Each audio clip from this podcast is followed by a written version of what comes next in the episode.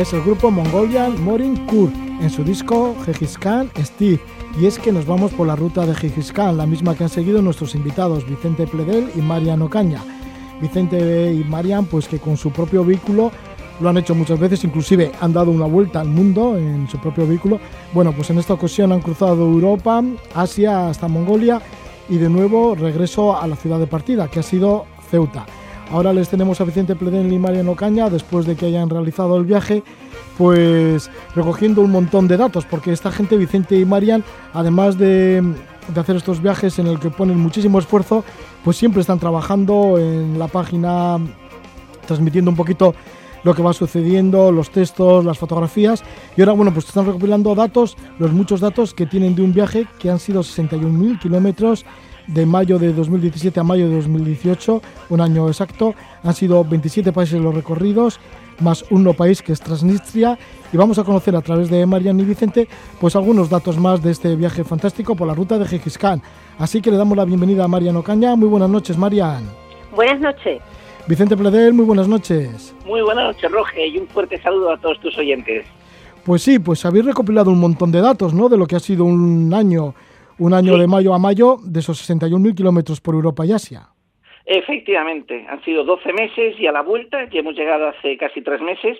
Bueno, hemos tenido que hacer muchas cosas de readaptación, abrir la casa porque habíamos cerrado todos los suministros y también, por supuesto, el, las recopilaciones de una, de una ruta tan larga, datos, kilómetros, litros de gasoil, lo, lo más duro que hemos hecho, lo, lo más loco que hemos hecho, pues todo eso es lo que hemos terminado de recopilarlo hace muy poquito. ¿Cuál es lo más duro que habéis hecho y lo más loco?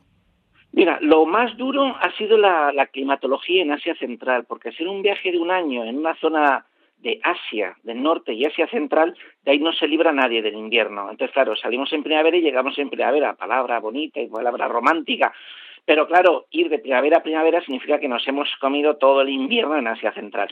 Y lo más duro ha sido el invierno, ya te digo, en Mongolia y en Tayikistán, Turkmenistán, en esos países. Eso ha sido lo, lo más duro.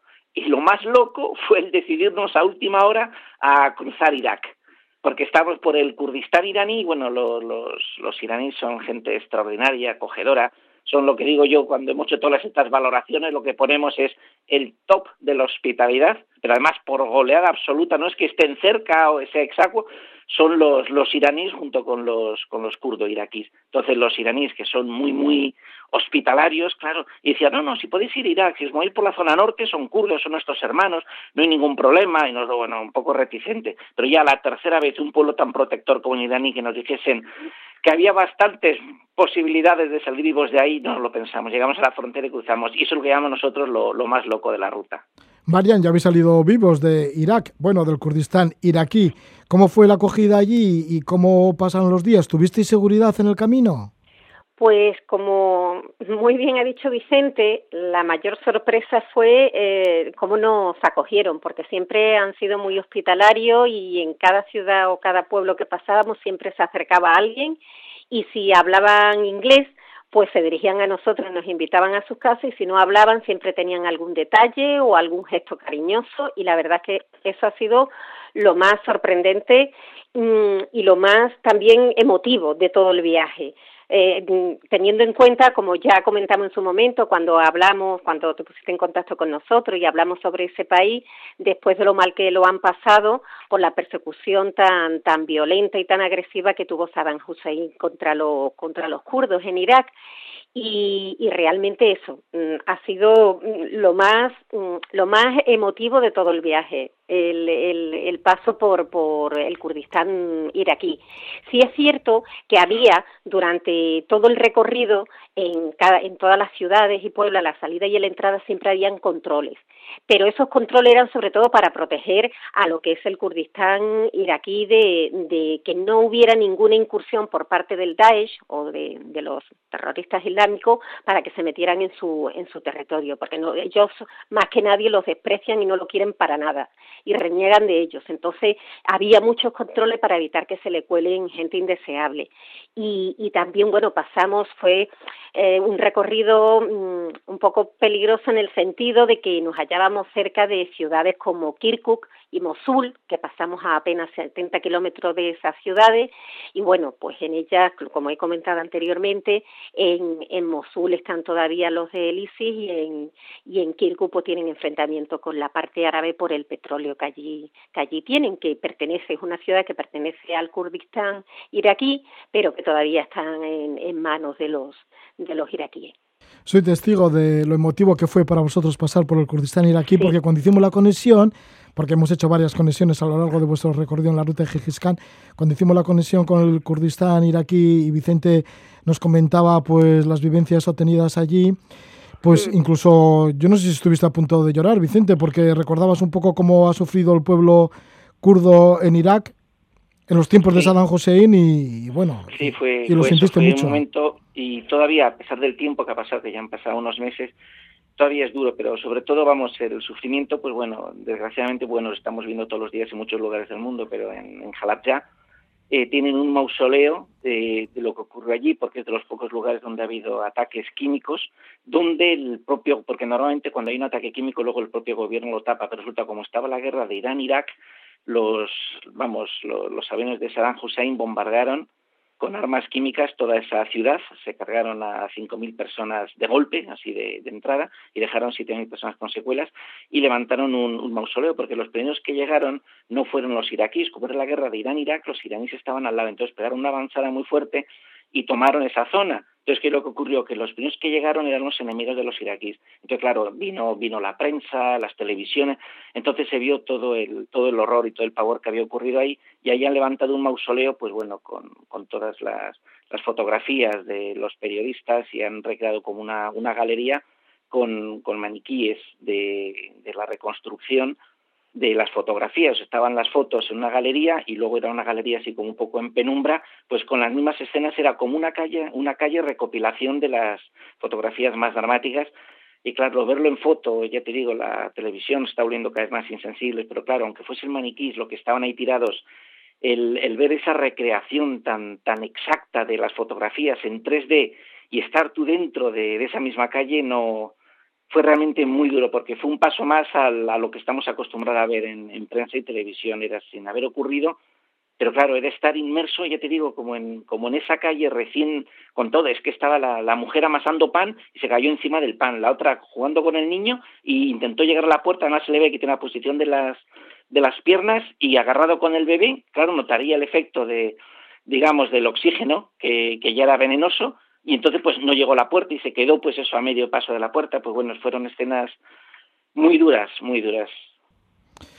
Entre los datos que estoy recopilando ahora de vuestro viaje de un año por Europa y Asia en la ruta de Gengis Khan, ¿cuáles han sido los países que más os han asombrado? Y eso que conocíais muchos de ellos, ¿no? Porque anteriormente ya habéis hecho diferentes rutas, inclusive disteis la vuelta al mundo en vuestro coche, ¿no?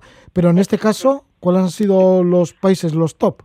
Pues, sí. pues los tres tops para nosotros han sido mmm, Tayikistán, Mongolia y Omán. Esos son los tres países que bueno, hay, de cada uno de ellos hay algo especial, pero esos tres son los que para nosotros los top. Y Mongolia en realidad eh, ni ha sido ni una decepción ni una sorpresa, era lo que realmente esperaban y, y, nos ha gustado mucho, porque mm, de Mongolia se conoce mucho, hemos visto muchos documentales y reportajes y gente que ha ido y ha vuelto y entonces encontramos lo que realmente ya conocíamos. Tayikistán ha sido una gran sorpresa, porque esas montañas y el valle también, que lo comentamos en su momento, el valle de Waham o Wakam, que es el que divide a nada, a un tiro de piedra Afganistán de Tayikistán, es impresionantemente bello y a esas alturas que nos movemos fue también espectacular y nos encantó. Y Oman ha sido otra sorpresa por la variedad también de paisaje que tiene y por la gente también encantadora y muy amable que nos hemos encontrado en Oman, porque en lo mismo puedes eh, vamos, tirarte durante kilómetros por, por el desierto, uno de ellos el Novalcadi, el, el gran desierto, ¿no? El, el, gran vacío, y luego también o puedes estar por eh, por montañas, por desfiladero, por toda la costa que tiene, es un país muy completo y muy acogedor. Y por eso esos tres top Tayikistán, Mongolia y Oman es para nosotros lo máximo del viaje. En cuanto a los kilometrajes, ¿cuál ha sido el país en donde más kilómetros habéis realizado? Pues fíjate, han sido 61.000 kilómetros en los 12 meses. Y los tres tops en kilometraje, por supuesto, el primero Rusia, porque no te quiero contar la cantidad de kilómetros, o sea, tengo aquí un, un mapa delante desplegado en toda la pared y claro, Rusia es el país más grande del mundo y hicimos prácticamente dos tercios de lo que se puede hacer, el otro tercio es que ya es hacia Kamchatka y todo eso. Y ese sí, han sido 11.500 kilómetros, de los 61.000 kilómetros, 11.500 han correspondido a Rusia, que estuvimos mes y medio en Rusia. El segundo país en kilometraje, fíjate, es Irán, hicimos 9.200 kilómetros en Irán y en Irán estuvimos dos meses, porque en Irán pasamos dos veces. Cuando veníamos de esa central, entramos desde Turkmenistán a Irán, hicimos todo un recorrido de un mes y luego saltamos en un ferry a la península arábiga para recorrer Emiratos Árabes Unidos, los, los ocho Emiratos que hay ahí, y Omán. Y luego cuando terminamos ya todo ese recorrido, porque Arabia Saudita nos sigue todavía odiando, son nuestros aliados, pero nos odian en realidad y no nos dejan pasar ni en tránsito. Entonces estamos en un callejón sin salida. Entonces volvimos a coger el ferry en Emiratos, en el Emirato de Sharjah, y regresamos a Bandar Abbas en Irán. Y entonces en esa segunda etapa estuvimos casi otro mes. Una vez estuvimos 27 días y otro 28. Y ahí el segundo país, por eso sale Irán, que son 9.200. Y el tercer país, fíjate, Omán es un país que ves en el mapa, hombre, es grandecito, pero la verdad es que el haber hecho Nomán 5.500 kilómetros, que digo, veo el recorrido y es que llegamos hasta la frontera con Yemen, donde ya nos empezamos a encontrar las patrullas, estaba el desierto, dijeron, ¿hacia dónde van ustedes? Digo, no, no, es solo por aquí, vamos a, a las dunas, estos oasis y volver, porque lo que no quieren es que accidentalmente ningún todoterreno se ponga a cruzar las dunas y aparezca en la zona de Yemen. Y ahí, fíjate, en Oman 5.540 kilómetros tengo aquí anotado, con estos balances de, de niño empollón que hemos estado haciendo al regreso. en cuanto al dinero que habéis gastado en gasoil, ¿cuál ha sido el país en donde era más barato llenar el depósito? Sí, han sido 8.330 litros de gasoil lo que hemos consumido. Y se, nos ha ido, a ver, ay, que, que, tenía por aquí el numerito, así mira, 4.300 euros se nos ha ido el presupuesto en gasoil, que es un dineral, pero que no corresponden ni a la mitad de lo que nos hubiese correspondido si lo íbamos a hacer por Europa, porque los países, cuando sales de Europa Occidental, perdón, el gasoil cuando sales de Europa Occidental es mucho más barato. Lo más barato que hemos encontrado ha sido en Irán y en Turkmenistán, que era, fíjate, a 10 céntimos. Fíjate, cualquiera que esté oyendo que tenga un coche, digo, Dios, estaban pagando a 10 céntimos el litro de gasoil. Aquí me parece que estaba uno, bueno, que está a 1,27, 1,33, se está moviendo por ahí, depende de las gasolineras, y a 10 céntimos. Y eso, bueno, todo ese presupuesto nos, nos ayudaban mucho porque en todos los países que hemos recorrido era mucho más barato que en Europa. Lo más caro que hemos pagado prácticamente era mitad de precio. Lo más caro igual eran 54 o 59 céntimos, y eso, claro, el haber hecho 8.000, o sea, realmente esos 8.300 kilómetros que hemos hecho, con esos 4.300 euros, es gracias al precio del combustible, si no se nos hubiese disparado el precio del combustible. Y el más caro, por supuesto, en, en Europa, en Italia, que cuando lo cruzamos estaba a 1,43. Fíjate, de 1,43 a 10 céntimos el litro, que es la décima parte, Roges, que es alucinante. Sí, lo que no habéis gastado mucho ha sido en hoteles. No, no, hay bien poco, porque mira, la, la principal sangría se va siempre en, los alojamientos, en, en, los hoteles. Entonces nosotros teníamos el coche que era lo que nos ha dado libertad y tenemos una tienda techo encima de encima del 4x4. Y entonces, pues bueno, siempre que podíamos usamos la tienda, a veces con las temperaturas extremas, cuando hemos dicho, ¿qué ha sido lo más duro? Pues lo más duro ha sido el frío. Entonces había momentos en que no podíamos acampar entonces, pues bueno, nos buscamos, era en sitios bastante salvajes. Una cosa es que no puedes acampar cuando estás visitando Alemania y te vas a un hotel, pero allí es que no había ni hoteles, entonces íbamos improvisando. A veces en una aldea preguntamos, mira, ¿dónde nos podemos alojar? Somos viajeros, venimos con un coche, pero no podemos acampar. Y bueno, y en la aldea siempre había alguien, no, tiene una habitación, por si acaso hay visitas, o para viajeros en el camino. Y en Mongolia, pues eran los GER, los famosos GER, porque en Mongolia, excepto en las tres ciudades que tienen, no hay construcciones, todo es en tiendas.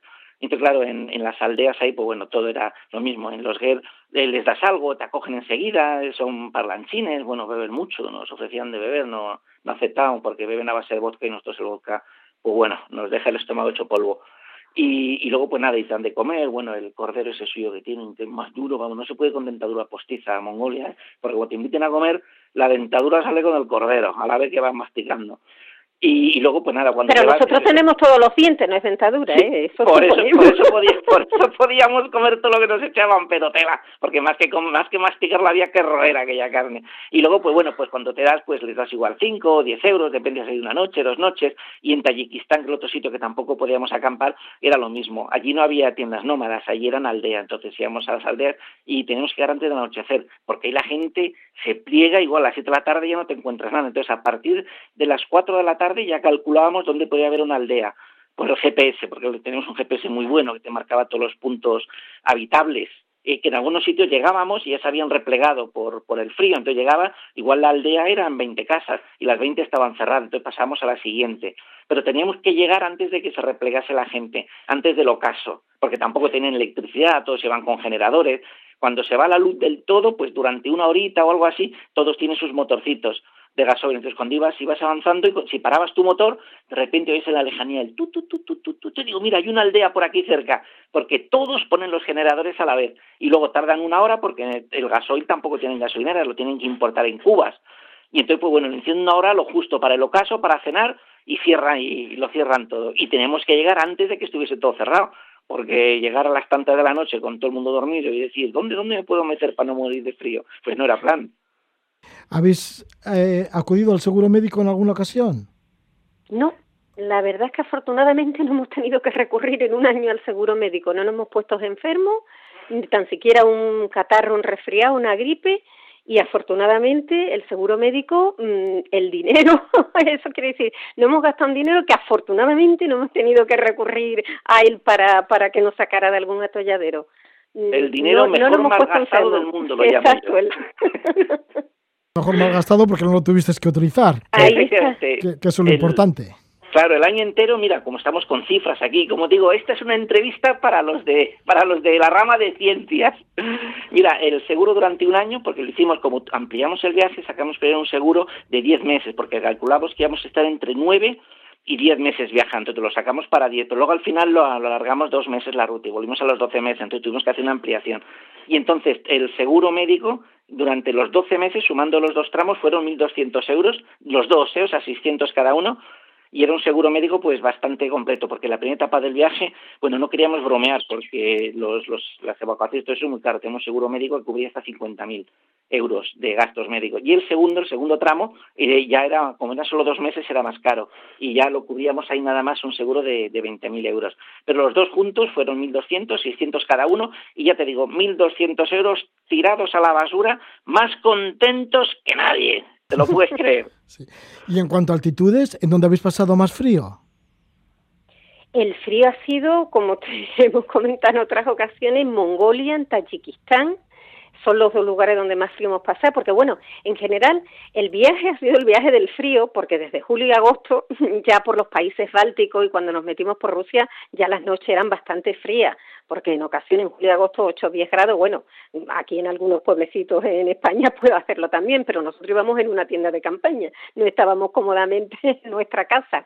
Entonces ya, ya lo empezamos a acusar en, en verano, pero el frío real ya de bajo cero y hasta 20 bajo cero fue por Mongolia y por Tayikistán y en Turmenistán. En Turmenistán también tuvimos unas noches gélidas y llegamos y además cuando pasamos por Turmenistán dormimos todas las noches en la tienda y, y por la mañana eh, cuando cuando amanecía notaba como mojado el saco y era porque se nos formaba escarcha encima del saco y la botella de agua que nos subíamos a la tienda para beber a por, sí, tenía sed por la noche o por la mañana era un bloque completo de hielo.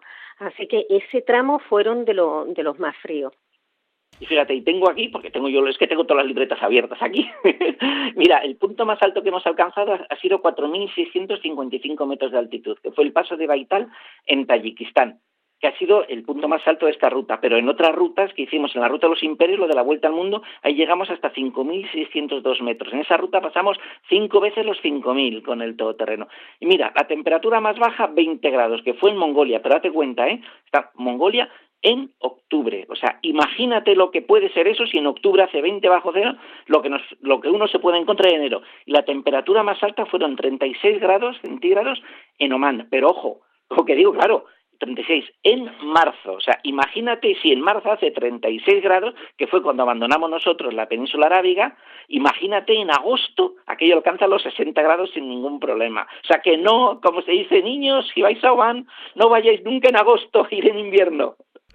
Bueno, pues estos son muchos de los datos y muchas de las lecciones que han aprendido nuestros invitados, Vicente Pledel y Mariano Caña, en su ruta, la ruta de Gijiscán, así la han llamado.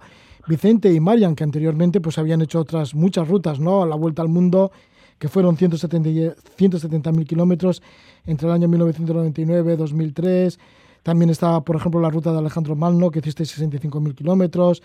Muchas veces también habéis estado por el continente africano, por la ruta de los confines de África, por ejemplo, ida y vuelta a Cabo Norte, esto por Europa, hiciste también eh, 15.000 kilómetros, tras las huellas de la reina de Saba, que de ahí salió todo un libro, bueno, pues el que quiera más información de esta ruta de Gengis Vicente y Marian, que acudan a vuestros, bueno, a vuestras páginas y así, ¿no? Claro, efectivamente. Sí, sí a la, claro, porque era verdad, estamos venga a hablar de la ruta, pero claro, los viajeros que quieran saber en detalle todo lo que está ocurriendo, Marian se ha pegado un trabajo tremendo con, con los vídeos. Eh, en el Facebook hemos vuelto, pero en el Facebook está todo cargado, es decir, cronológicamente, claro, el Facebook lo coloca lo último arriba, pero haciendo un scroll hacia atrás se tiene toda la ruta, pero todo se puede encontrar en vez de dar, pues bueno, el Facebook, el dar el, porque tenemos también un canal YouTube donde están los vídeos que Marian como una mártir ha estado haciendo y editando en ruta, es entrar en la página web que es ruta imperios.com y arriba pues están las pestañitas para ir al bueno al LinkedIn que dice todos los países y experiencia que hemos tenido. Está el canal de YouTube que es el trabajo exclusivo de Mariana haciendo los vídeos. Ahí se encuentra también el Facebook porque la página web todavía no la hemos podido actualizar está en Tayikistán. Pero bueno la terminaremos actualizando. Pero lo que sí que está actualizado es en Instagram los fanáticos de Instagram o los que les guste el Facebook. Ahí está todo actualizado. Ahí se pueden ver todos los detalles todas las fotografías hasta que completemos la página web Rojas, que no damos abasto dos personas, tantísimas cosas que hacer en ruta. Bueno, pues sí que han sido esos 61.000 kilómetros realizados durante un año exacto de Vicente Pledel y Mariano Caña en esta ruta de Gengis que les ha llevado desde Ceuta hasta Mongolia y regreso. Pues muchas gracias por todas las conexiones que hemos tenido y por todo lo que nos habéis contado y todo lo que hemos aprendido de vuestras charlas en esta larga ruta de Gengis muy bien, pues muchísimas gracias y muchas gracias a todos por oírnos y espero que, que, lo puedan recrear y visualizar con las imágenes de, de, la, del Facebook y del Instagram. Y muchas gracias a ti por, por atendernos. un beso muy fuerte a todos. Un beso fuerte, Marian. Gracias, Vicente. y un fuerte abrazo.